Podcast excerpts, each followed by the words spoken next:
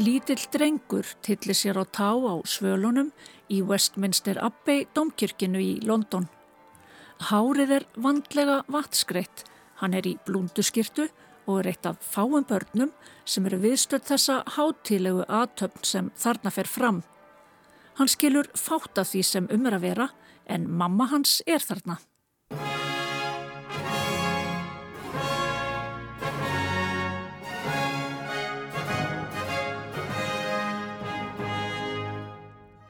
Það er fullt af kollum í skrítnum fötum í kringum hana. Sumir eru með skikkjur, aðri með skrítna hatta, eitt lætur hann að fá sprota, annar eitthvað sem lítur út eins og gullbolti. Hann langar til að leika sér með hann bara í smá stund. Og svo kemur einn kalli viðbót og setur risastóra kórunu á höfuði hennar mömmu.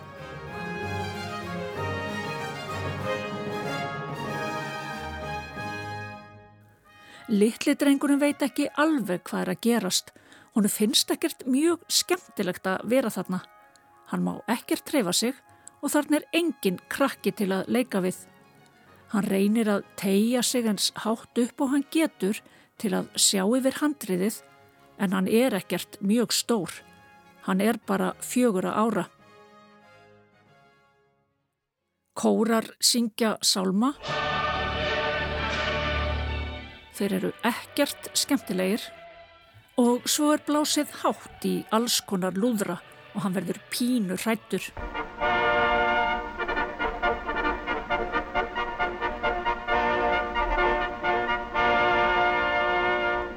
Fólkið saði að hann þyrti líka að gera þetta þegar hann er því stór en litli drengurinn er lítið að hugsa um það. Karl litli breytaprins, fjögura ára, vill bara sjá mömmu.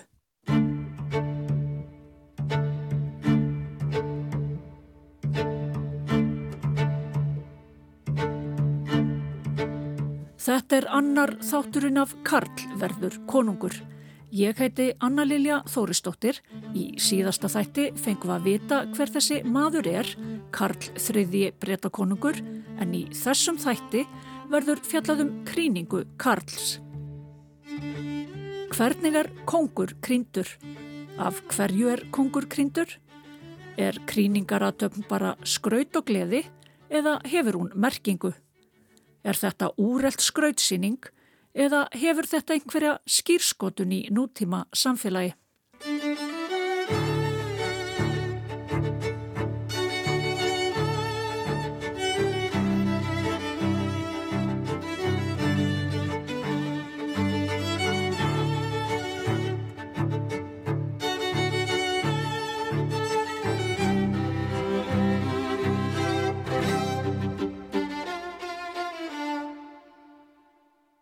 Við byrjum þáttin í Westminster domkirkjunni í London annan júni 1953 þar sem Karl var viðstættur kríningu móður sinnar, Elisabetar annarar englandsdrottningar.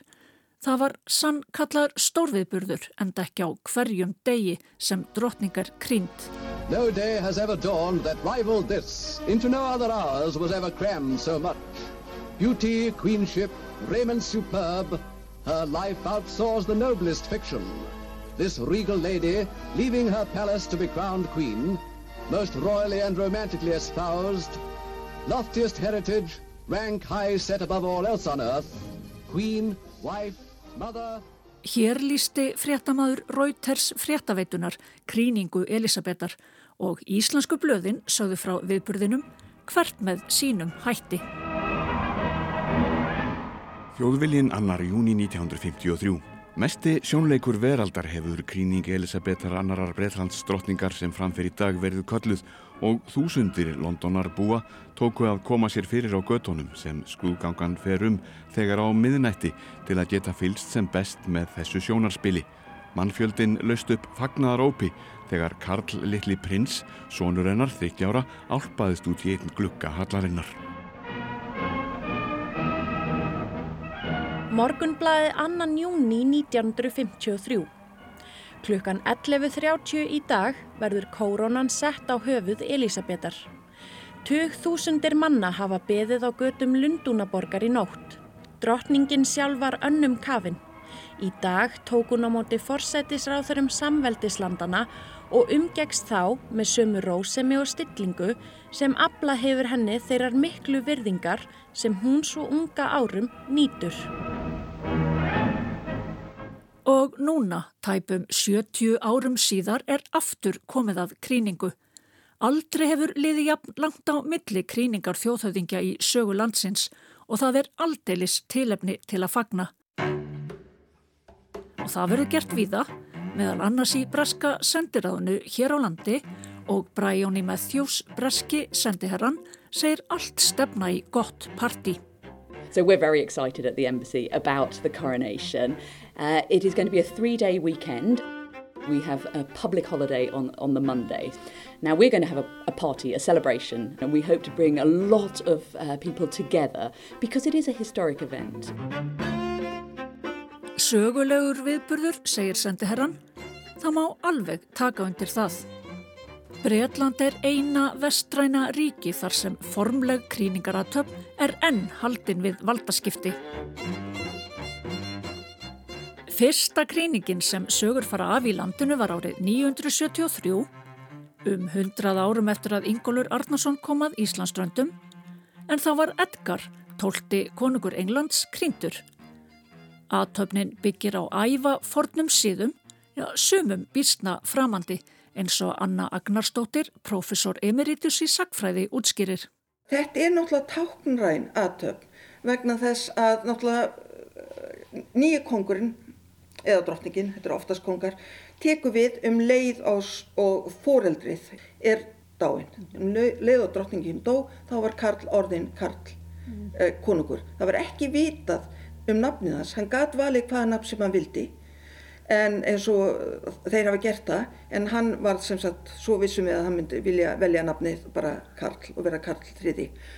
Og gríning þarf rosalega undirbúning. Þetta er stór og mikil, mikil aðtöfn og svo þykir líka við hæfi að um, auðvitað þarf fólk að sirkja.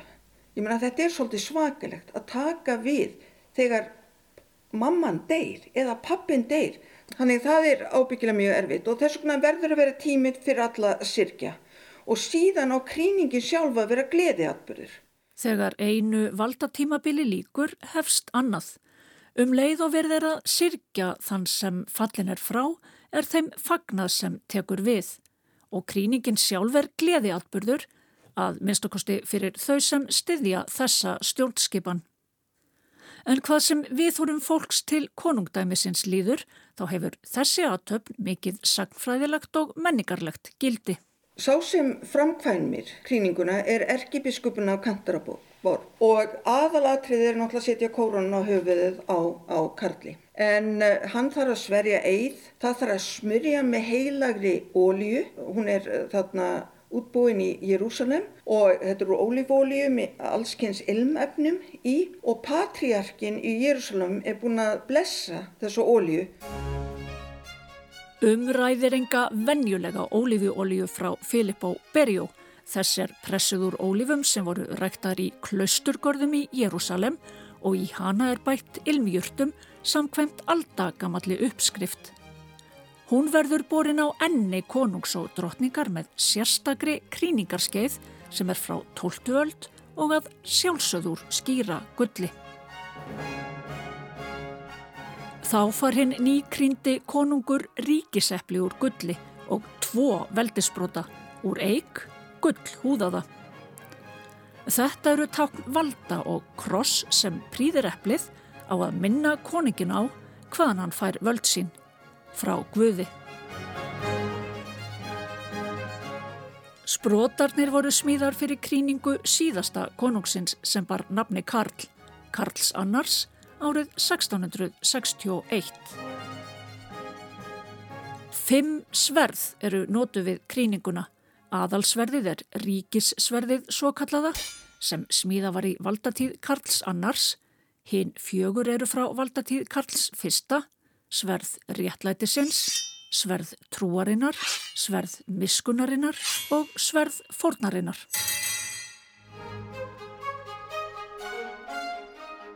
Og svo er kóronan sett á höfuðið. Það er korona heilags játvarðar sem er meira en 360 ára gömul. Hún var smíðu fyrir kríningu Karls Annars og er einungir snotu við kríningar þannig hún var síðast í nótkun fyrir 70 árum. Hún er úr skýra gulli, bísna þung og prýtt eðalsteinum. Frækt er að Elisabeth Önnur æfði sig fyrir kríningu sín árið 1953 með því að bera kórónuna við dagleg störf sín og vandist hannig þingtennar. En engum spurnum fyrir að því hvort að sonur hennar hafi yfkað slíkar æfingar. Og hún vikta meira en 2 kíló og það getur engi verið með þetta mjög lengi. Þannig áður en hann gengur út úr kirkjunni þá er skipt um kórunu og svo kóruna vikta bara 1 kíló. Það er gott að eiga kórónur til skiptana. Svo kóróna sem Karlmann ganga með út úr kirkjunni er Imperial State Crown eða heimsveldiskórónan. Svo er ómeddalegur dýrgripur skreittur hátt í 3000 dementum.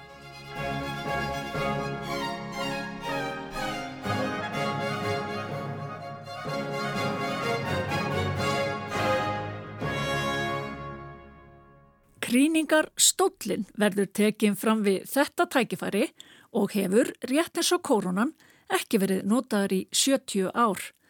Hann er frá því um 1300 og undir honum er hilla fyrir steinin frá skón, 150 kílóa sandsteinsnullung sem er líka stundum kallar örlagasteinin. Hann er krýningarstein skotakonunga og sé hann í stólnum verður Karl einnig krýndur konungur Skotlands. Þetta hljómar allt mjög formt en Bræjóni segir að búast megi við að aðtöfnin verði nútímavættað einhverju leiti. There will be parts of the, the ceremony that will change to reflect the fact that we are now, you know, in 2023 and looking really forward into what modern Britain is and wants to be.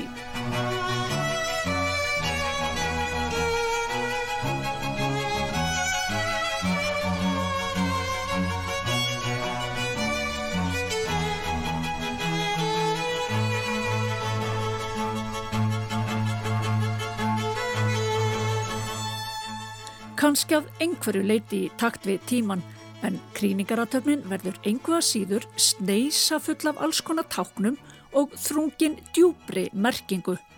Og hver er betri til að útskýra það en þjóðfræðingur?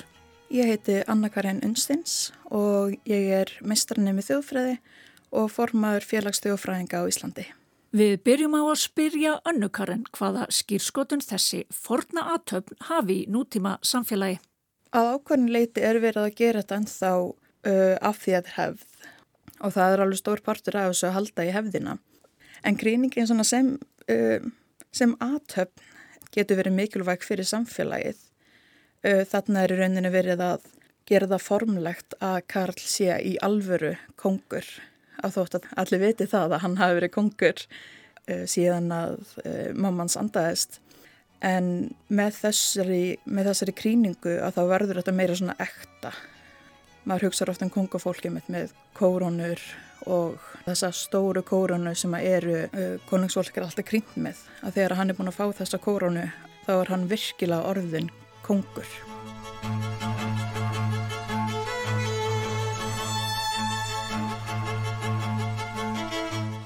Það er náttúrulega mikið mikið af gripum sem að uh, koma þarna við og mikil efnismenning sem er þarna bæði í, í þessum efnislegu gripum eins og ríkiseflinu en líka í öllum fatnaðinum sem þau eru í. Það er mikið af fjólubláu sem er kongaleiturinn af því að fyrra öldum var uh, mjög erfitt að fá fjólubláun lit og það var bara á valdi þeirra allra ríkustu.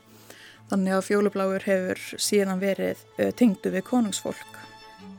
Þessi gripir standa fyrir þessa aðtöfnurauninni af því að þessi veldisbrótar og þessi kórona eru mjög seldan nótið.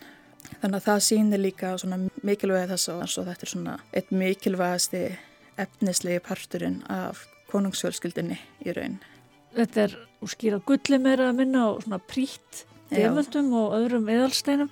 Er kannski líka verið að sína svona fram á auðlegð, nota tækifæri til að sína það? Af því þú getur ekki, Já. kongur getur ekki lappað um og seflað veldisbrota svona dagstarlega. Nei, nákvæmlega. Já, það er einmitt verið svona að undirstryka kannski þetta að þetta er alvöru konungsfólk og að þau eigir rætur að uh, rekja þannig langt, langt aftur. En þannig með þetta rosalega skýr, uh, skýrskotun aftur í aldir og þetta eru flest allt uh, ótrúlega gamli gripir. Gamlir gripir, gull og gersemar. Yfirbráð er skrautlegt en intakið er heitum ævilanga þjónustu í þáu þjóðarinnar eins og Elisabeth Önnur, móðir Karls, héti kríningaræðu sinni árið 1953. I am sure that this, my coronation, is not the symbol of a power and a splendor that are gone, but a declaration of our hopes for the future, and for the years I may, by God's grace and mercy, be given to reign and serve you as your queen. Það eru erfiðir tímar í Breitlandi, verðbolga í hæstu hæðum og stríði í austurhluta Evrópu. Endanlegur kostnar við aðtöfnina hefur ekki verið gefin út en ljóst er að hann mun hlaupa á tugum miljóna punta. Punta úr vössum breskra skattgreðanda. Er réttlændalegt að halda jafn íbramikla aðtöfn í slíku ástandi?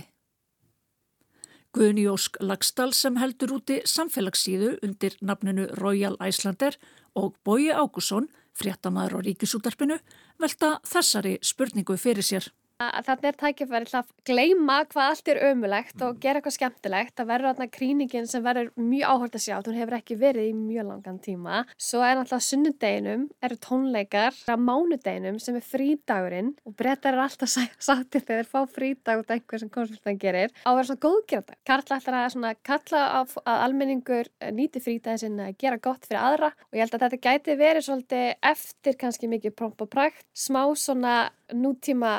konungsáhersla einhvern veginn. Ég held að vera geti ef þetta er rétt gert. Hvað segir þú? Er þetta tímaskekki að halda vera með svona aðtöp sem byggir á mörg hundru ára gamlum hefðum? Nú, ef þú ert með gerfið þá er það alveg rökrétt skulum orða að þú gerir eitthvað úr þessu og þetta er alveg hár rétt. Auðvitað hérna gera breyta mikið úr þessu. Það eru sko, visslur á strætum úti og, og hérna, þetta er ólega gaman og bara það að halda frí og svona og kynast nágrannum og svona voða gaman fara á pöppin eða drekka bjór á gödum úti og svona þetta.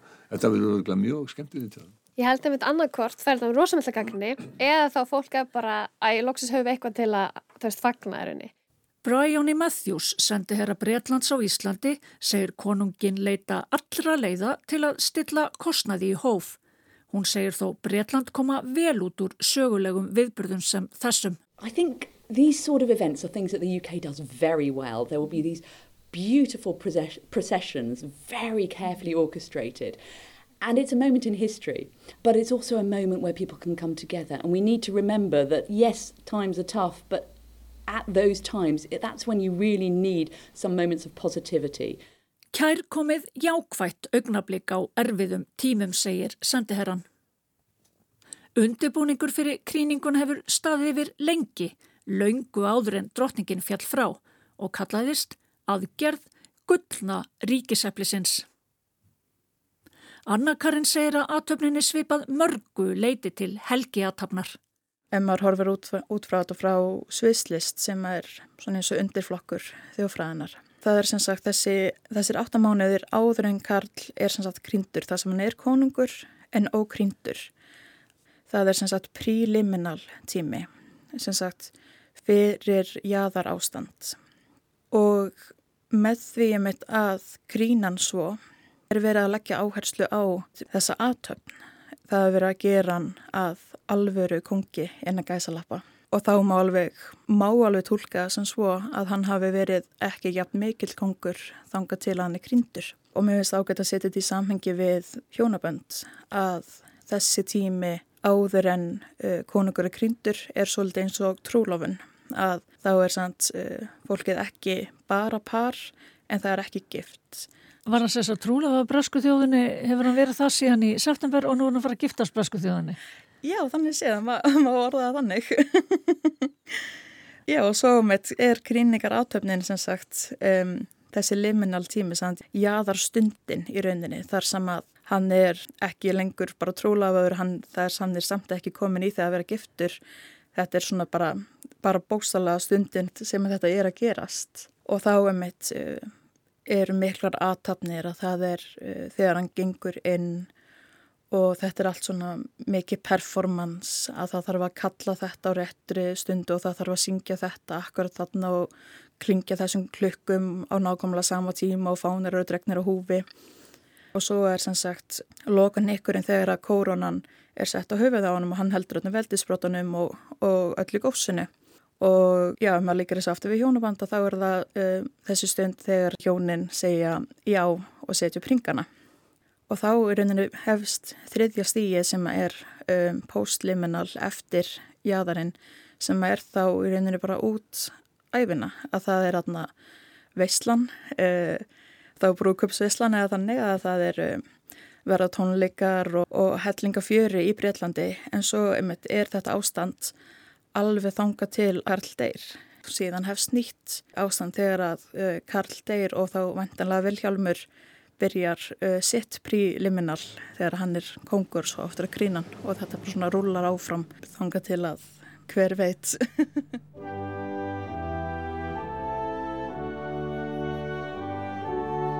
Að lokinni aðtöfninu stígur hinn nýkrindi konungur út á svalir Buckingham Hallar eins og venjan er þegar stór viðburðir eru hjá konungsfjölskyldunni.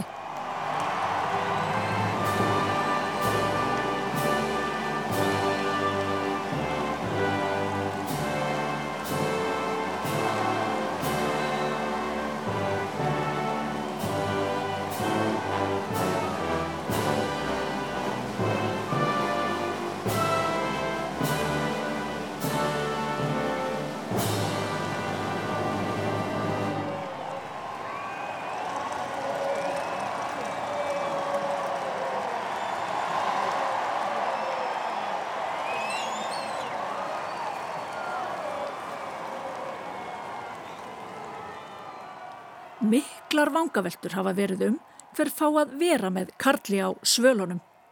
Gefið hefur verið út að þar fái einungis svo kallar Working Royals að vera, starfandi kongafólk, en með því er átt við þá fjölskyldumæðlimi sem þykja laun fyrir störfi þáu konusfjölskyldunar.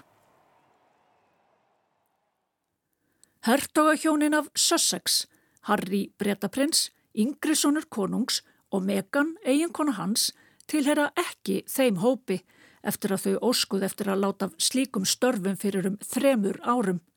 En þýðir það þá að Harry fær ekki að samfagna föðu sínum á þessari stóru stundi í lífi hans á svölunum frægu. Guðni Ósk, Royal Islander, hefur einmitt velt því fyrir sér. Þetta er bara mjög nýlega regla. En nú er Karl Konungur, hann, hans öll, hans svalir, hann hlýtur að geta bóðið síni sínum og tengdadóttur og afabörnuna sínum á svalnar ef hún er síni svo. Og þú veist, ef það væri ekki fyrir allt sem hefur gerst núna undanfarum árum, þá væri fullkomlega eðlegt að Harry og Meghan og börnin væri bæ öll sömul á sölunum með, þú veist, Vilhelm og fjölskylda, því þetta er náttúrulega nánast að fjölskylda Karl, hans svona erfingjar, en horfur þetta út frá höllinni, þá, þá snýst myndin ekki um að þarna er nýr konungur og erfingjarnir. Heldur snýst þetta um að þarna er Harry og Meghan fyrsta skipti á mynd með konungsfjölskyldinni eftir allt sem hefur gerst. Þannig að þeirra nærvera þarna gætu svona einhvern veginn skikt á það margt annað. Já og ég held að það séu eitthvað sem höllin er alltaf mjög hrætt um. Við sjáum til dæmis bara í jarðaför Filipussar og Harry e, byrjar að tala við Vilhjálma Katrínu og ég veit ekki hversu marga greinar hafa verið að skrifa um hvað gæti mögulega hafa verið sagt á þessum þremur mínutum sem að þau ræða saman. Að það verður alltaf svona, þau veist, hápunkturinn. Ef einhver veit hvernig svona aðtöfn fer fram, já þá er það fyrverandi fréttarittari ríkisútarpsins í London.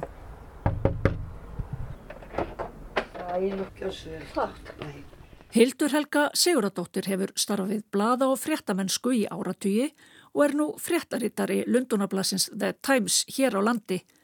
Hún hefur líst í sjónvarpi helstu stundum í lífi bresku konusfélskyldunar eins og brúðkaupum og jarðaförum og segir að hún sé á mikilli skrautsýningu þegar Karl verður krýndur 7. mæ. Allir það sé nú geitt af því sem að svona er kannski verið að maður bögla svolítið með fólk það náttúrulega að fá eitthvað fyrir peningin sinn en hún má heldur ekki vera óaf íburðar mikil og, og krýninga Elisabethar var náttúrulega alveg gríðarlega stórt og mikið mál og þetta verður eitthvað minni í sniðum en hversu mikið minna það veit maður ekki alveg og þetta er miklu meirinn að skipuleika eitt brúðkaup sko. Starra en konunglegt brúðkaup. Charles, have you resolved to be faithful to your wife, forsaking all others so long as you both shall live? That is my resolve with the help of God. Camilla, have you resolved to be faithful to your husband, forsaking all others so long as you both shall live? That is my resolve with the help, help of God. Þarna heyrðu við í erkibiskupnum í Kantaraborg gefa þau Karl og Kamilu saman í april 2005 þar sem þau hétu hvort öðru trúmennsku. Brúðkaup þeirra var raunar í fábrotnari kantinum, samaborð við önnur konungleg brúðkaup og margir myndu ætla að nútímalegri kríningaratöfn kallaði einmitt á minna punt og prjál. Hildur Helga spáir þó að mikið verðu um dýrðir. En þetta verður mikið sjónaspil og hvernig sem fer og, og alltaf margir til ég að gaggrína og, og aðrir að hallelujast yfir þessar aðtöfnu. Og hann er nú búin að býða nógu lengi eftir henni blessaðar Karl. En þau kunna þetta vel breska konusfjölskyldin að setja upp svona síningar? Já, já. Hvort þau kunna en þjóðuðu er ekki kringdur á hverjum degi. Það eru örgulega margir, fleiri en Karl búin að býða eftir þessari aðtöfn og að fá að, að detúast við hanna. Og hvern skildi Hildur Helga hafa hitt á námsárum sínum í Englandi? Nú sjálft viðfangsefni þessa þáttar, Karl Konung sem þá var prinsinn af Wales. Það var þegar ég var í Cambridge áskóla og, og hann er sko alma mater þeirra þeirra bræðra sem að fóru í áskóla, það segja Karl og Játvarður á yngsti og við vorum náttúrulega svipun tíma við Játvarður þannig að ég hitti hann oft og var í partíu með honum og svona og hann var væsti piltur og en svo kom einhvern tíman og svo heyri ég einhvern gauragang og þá er það þessi rosalega stóra eldröða þyrla, konunglega þyrlan og þá er hún að lenda á túninu og út kemur Karl Jújú jú, og við heilsuðust með handabandi og skiptust af einhverjum örfáum orðum sem skiptu nú ekki miklu máli. Og ég man að kona við hliðin á mér saði við Karl Oh my god, I've been waiting all my life to see you. Ég er búin að býða alla æfin eftir að hitti þur. Og þá sagði hann ég að þér hljóta að það var átt afskaplega leiðilegt líf. Frú, það var nú hálf svona, hálf trundulegt en átti kannski verið að fyndið, ég bara veit það ekki. Að krína þjóðhöfðingja er heilmikil aðtöfn og þar eru gerðnan margir gestir.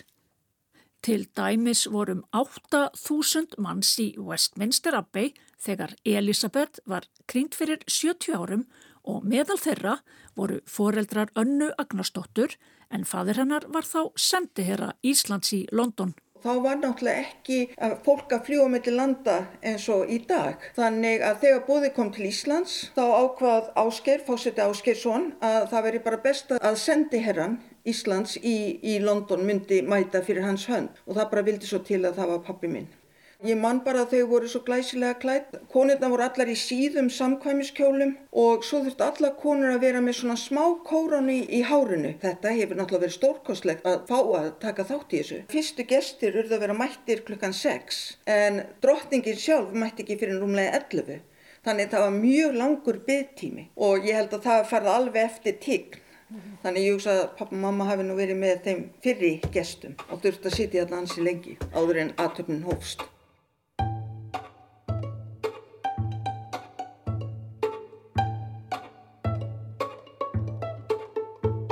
Vissuru þetta um kríningaratöfnina 7. mæ? Hún hefst klukkan 11 morgunin og tekur um þrjá tíma. Konungssjónin fara frá Buckingham Höll að Westminster domkirkjunni í Vagni sem var smíðar fyrir 60 ára valdaamali Elisabetar.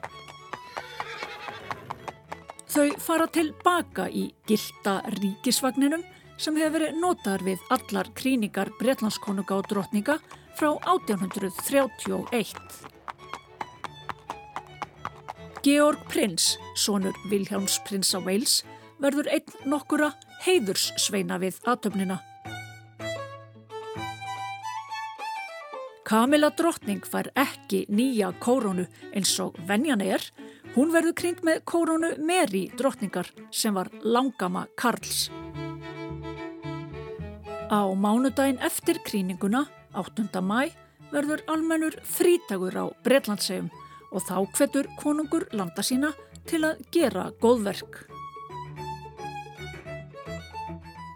Meðal konungborna gesta verða Karl Gustaf Svíakonungur og dóttir hans Viktoria krónprinsessa, einnig Albert Monaco fyrsti, Charlene Monaco prinsessa og Akishino krónprins Japan. Úrsula von der Leyen, fórseti Frankvandastjórnar Evrópusambandsins, verður meðal gesta og fulltrúar Íslands verða Guðni T.H. Jóhannesson, fórseti Íslands og Elisa Rít, fórsetafrú. Allra augu verða á London 7. mæ, já, eða kannski næstum því allra. Ætli þið að fylgjast með gríningunni 7. mæ?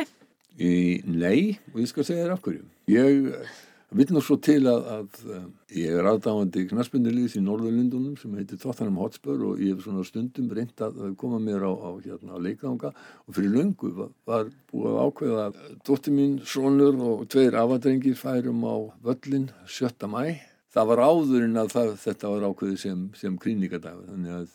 Nema le, le, leikunni verði fluttur sem er alltaf möguleiki hins vegar náttúrulega ákveðið kvíða efni að þurfa að vera í Lundunaborg þennan dag því að eh, Það verða fleiri þarna þú. það verða fleiri Já, þarna verður erfitt að komast á villi staða. Ég, það getur orðið erfitt, já. En heldur það verður ekkert svona annað augað á gríningunni í símanum eða? Nei, ég Nei? Þú ætlar að boltan. með Hérna fótbolta, það er mi- fyrir mér er miklu mikilvægur. En þú Gunni? Að sjálfsög, ég get ekki betur að sjá, þú veist, hverju verður með kórunu og hvaða kórunu verða og þú veist, hvað klæðnaði verður notaðar. Þetta er nú rosalega miðaldarlegt aðtöpt sem fyrir að staða og ég er mjög spennt að sjá hvernig þú ætlaði að gera það árið 2023.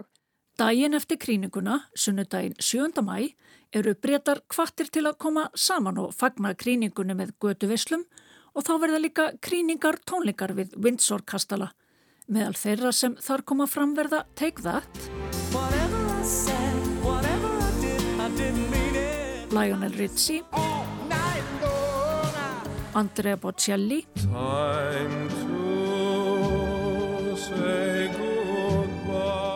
Og Katy Perry.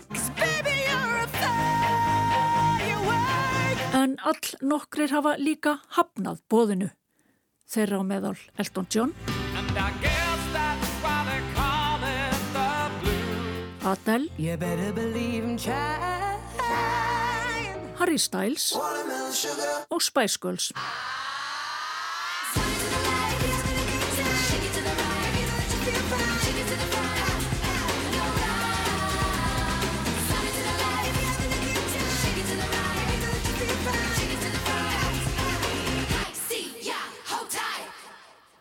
Andres Jónsson, sérfæðingur í almannatengslum, já, hvað geti skýrt að tónlistamenn vilji ekki koma fram á kríningatónleikum Karls? Það hefur fjallað mjög mikið um þetta, þetta og fjölmur þetta velta sér mjög mikið upp eins og við erum kannski að gera hér upp úr, upp úr svona vandiraðum sko og við höfum svo sem ekki mikið handfast í höndunum, það hefur engin kannski gefið út yfirlýsingu beint en þetta segir það svolítið mikla sögu að uh, listamenn sem eru spila við það og fyrir alls konar fólk og ég hafði gegn ammalum uh, hérna auðmanna gegn peningagreislum að það get ekki síða það einum degi til þess að koma og spila fyrir, fyrir nýja koningin sko. Um, en það er í sum tilfellum teljum við okkur vita svona einhverju liti ástæðina Elton John þetta er mjög stendur Harry, prins Harry mjög nærri eftir hérna uh, og, og, og uh, þeim hérna bræðrum eftir fráfall díinu hann mun ekki koma. Adele hefur sagst ekki geta komið, hún sé undirbús fyrir aðra tónleika sama með Ed Sheeran. Og svo mætti áfram telja. Svolítið svipað trömblendi þegar að var að verða setja hann í ennbætti Today we are not merely transferring power from one administration to another Það voru ekki mjög margir sem hafði áhuga því að koma fram þeim tónleikum. Það endaði hann að vera svona halgerð sorglega sangkoma þeir tónleikar sem fóru fram 2017. Já, gæti ástæðan verið svo að þessir tónlistamenn sem hafa hafna bóðunum að koma fram á tónleikunum tellið að hafa slæm áhrif á sinn ferilega sína ímynda að tengjast þessu. Já, er svo, allt, það er svo viðkvæmt allt svona að, að spila fyrir einhvern málstað eins og þannig er raunin að vera að spila fyrir málstað það getur verið jafn skalett og það er gaglegt í hináttina og stjörnur eru mjög með þetta um það að, veist, að tengjast einhver sem er jákvæmt fyrir eitthvað neikvægt og hann hefur auðvitað svona íhals Karl Fösks ímynd. Og þetta er einhvern veginn ég held að það er kannski ekki beint þannig að það sé eitthvað beint ítla við hann en svona þetta er einhvern veginn ekki það er ekki, það er ekki stemning einhvern veginn fyrir honum sko á þennan hátt. Fyrstum hann ekki svalur? Nei, hann er ekki svalur. Hann hefur óskaplega svona fátt töfrandi við sig sko og, og sama má kannski segja um drottninguna svona hún hefur uh, þó hann hafi, hún sé núna verða drottning uh, Kamila þá, þá er hún heldur ekki nei, hún er ekki svöl þannig að þetta verður mjög líklega ekki mjög svöl uh, hérna sanguma Ekki svöl samkoma, segir Andrés og margi breytar virðast vera á svipari skoðun en sangkvæmt nýri konnun hefur meiru hluti breyta eða 52% lítinn sem engan áhuga á kríningunni.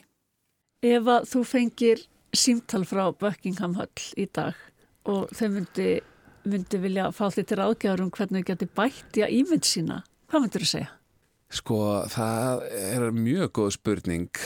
Eh, hann er auðvitað að reyna bæti ímynd sem einhver leiti við þessa kríningar aðdöf með því að hann ætlar að leggja mér áherslu á, á, á ólíka uh, hérna, trúarhópa og þó að þetta sé í vestmestir eh, hérna, dóngirkjunni og hérna að þá uh, englaskirkja sé þarna í aðlutirki þá ætlar hann að svona, vera með opnari famgagart ólíkari hópum.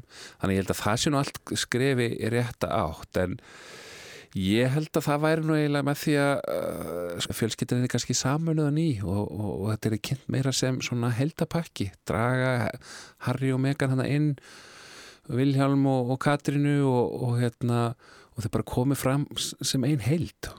Þannig að þið, þitt ráð til Karls var að ég rétta fram sáttahand. Já, ég held að það væri eh, eftir að eh, hann má eiginlega prísa sér sælan ég held að hann þurfi svolítið að koma auðmjögur inn í, inn í þetta hlutverk. Hann má prísa sér sælan hann er búin að býða í 70 ár. Það er búið að tala um að ganga fram hjá hann hann hefur uh, gert ímsa hérna, ímisaksarsköft uh, hann þarf að nálgast þetta mjög auðmjögan hátt og verða bara svona uh, viðkonlur afi og þannig að við hugsaum frekar varandi fortíðans að við svona höldum aðeins með honum. Hann má, ekki, hann má ekki koma of svona beitni baki inn í þetta og, og ætla að fara núna að hérna deil og drotna eða, eða vera eh, ofstoltur kakvar því að rétt út sattarhönd til svona síns.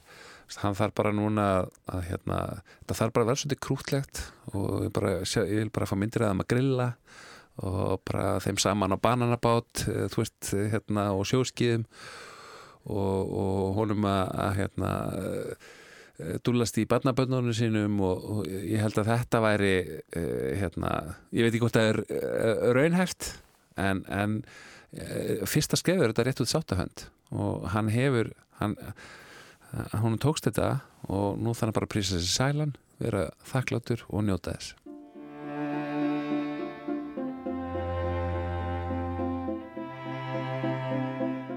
En það er ekki aðeins konungur sem verður krýndur 7. mæ, þá verður líka krýnd drottning, Kamila, eiginkona Karls, sem samkvæmt ströngustu skilgreiningu ber titilinn Queen Consort, en sá titill er ætlað þeim konum sem eru giftar konungum og ríkja ekki í eigin nafni, en yfirleitt er talað um Queen eða drottningu og svo verður einning nú. Skoðanir breyta á nýju drottningunni sinni virðast nokkuð skiptar, Ný skoðanakunni sínir að nánast jafn hlutfall er með henni og á móti. Hefði slík skoðanakunnin verið gerð fyrir nokkrum árum, hefðu niðurstörnar líklega verið allt aðrar. Þá var hún þekkt sem hataðasta kona Breitlands og henni var fundið allt til foráttu eins og framkemur í þessari frétt sjónvarpsins síðan í janúar 1995. Camilla Parker Bowles hafði ekki fyrir tilkynntum að hún verði skilin við eiginmann sinn en henni bárust tíðindi sem vart geta talist styrkja stöðu hennar á hjónabandsmarkaðinu. Hún var kosin vestkvæta kona ásins. Camilla Parker Bowles kosti í fréttinnar fyrir að hafa átt í ástasambandi við Karlsbreyta prins en talið er ósennilegt að þau gangi í hjónaband meðal annars vegna anduðar almennings.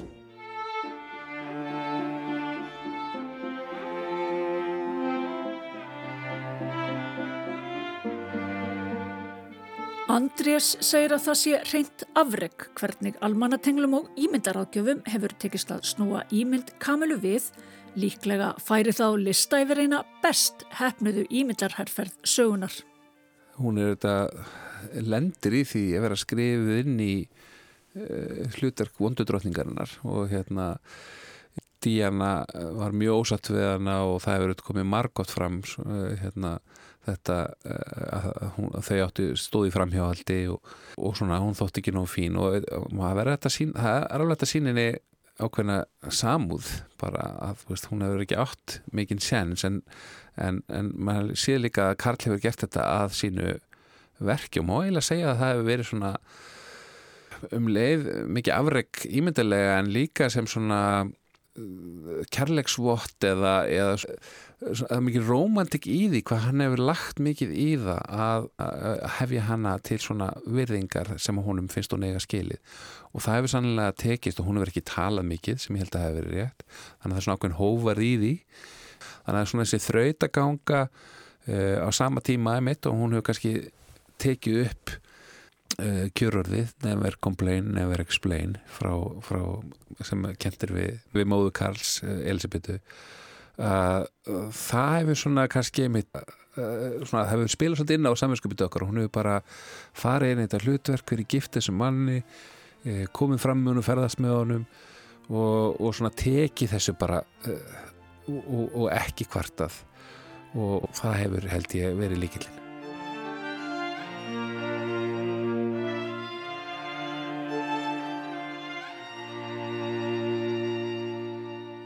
Svona aðtapnir geta virkað alveg á tvo vegu. Við sáum það til dæmis þegar að Elisabeth dó og það var þessi rosalega langa röð af fólki sem vildi hveðjana að svona aðtapnir fólk verði svolítið að taka þátt í þeim að einhver leiti og það er líka fyrir almenning er þetta ákveðin svona partur af því að sína hver þau eru að þau eru breytar og þetta er þeirra kúltur og þetta er þeirra, þeirra hefð. En svo eru náttúrulega aðrir sem eru bara þvert á móti þessu og það er eiginlega bókamála að þarna verða um, mótmæli og þarna svona kannski mæta sessi tveiri með fólki sem að þeir síst út á götur og veifar fánum og á, með, á þegar hann fer framhjá í gildum vagnni eða þeir sem eru á móti þessu vilja nýta takkifæri uh, til að sí, sína það. Þannig að þetta getur saman eða þetta getur líka já, sundrað? Já, algjörlega.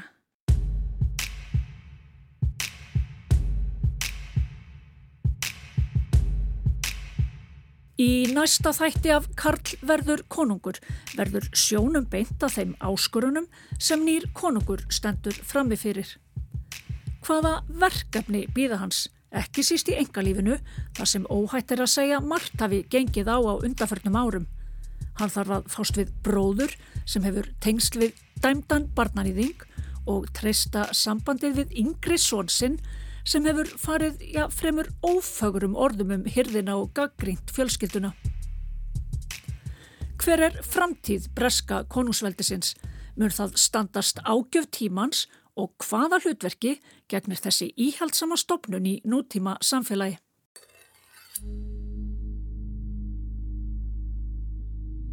Ég heiti Anna-Lilja Þóristóttir og ég þakka ykkur sem hlustuð á þennan annan þátt af þremur af Karlverður konungur. Tongue,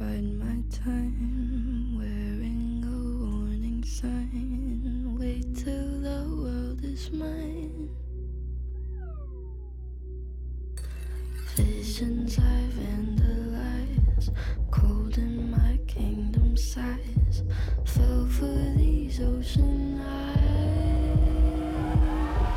You should see me in a crowd. I'm gonna run, there's nothing to help. Watch me make them bow one by one by one, one by one by. You should see me in a crowd. Your silence is my favorite sound. Watch me make them bow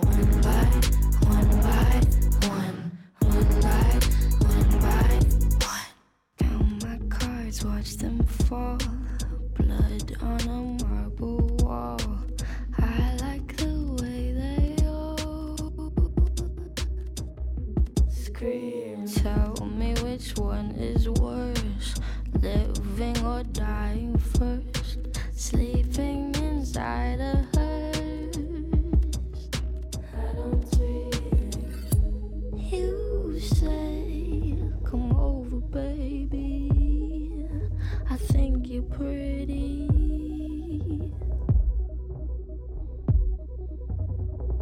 I'm okay, I'm not your baby. If you think I'm pretty, you should see me in.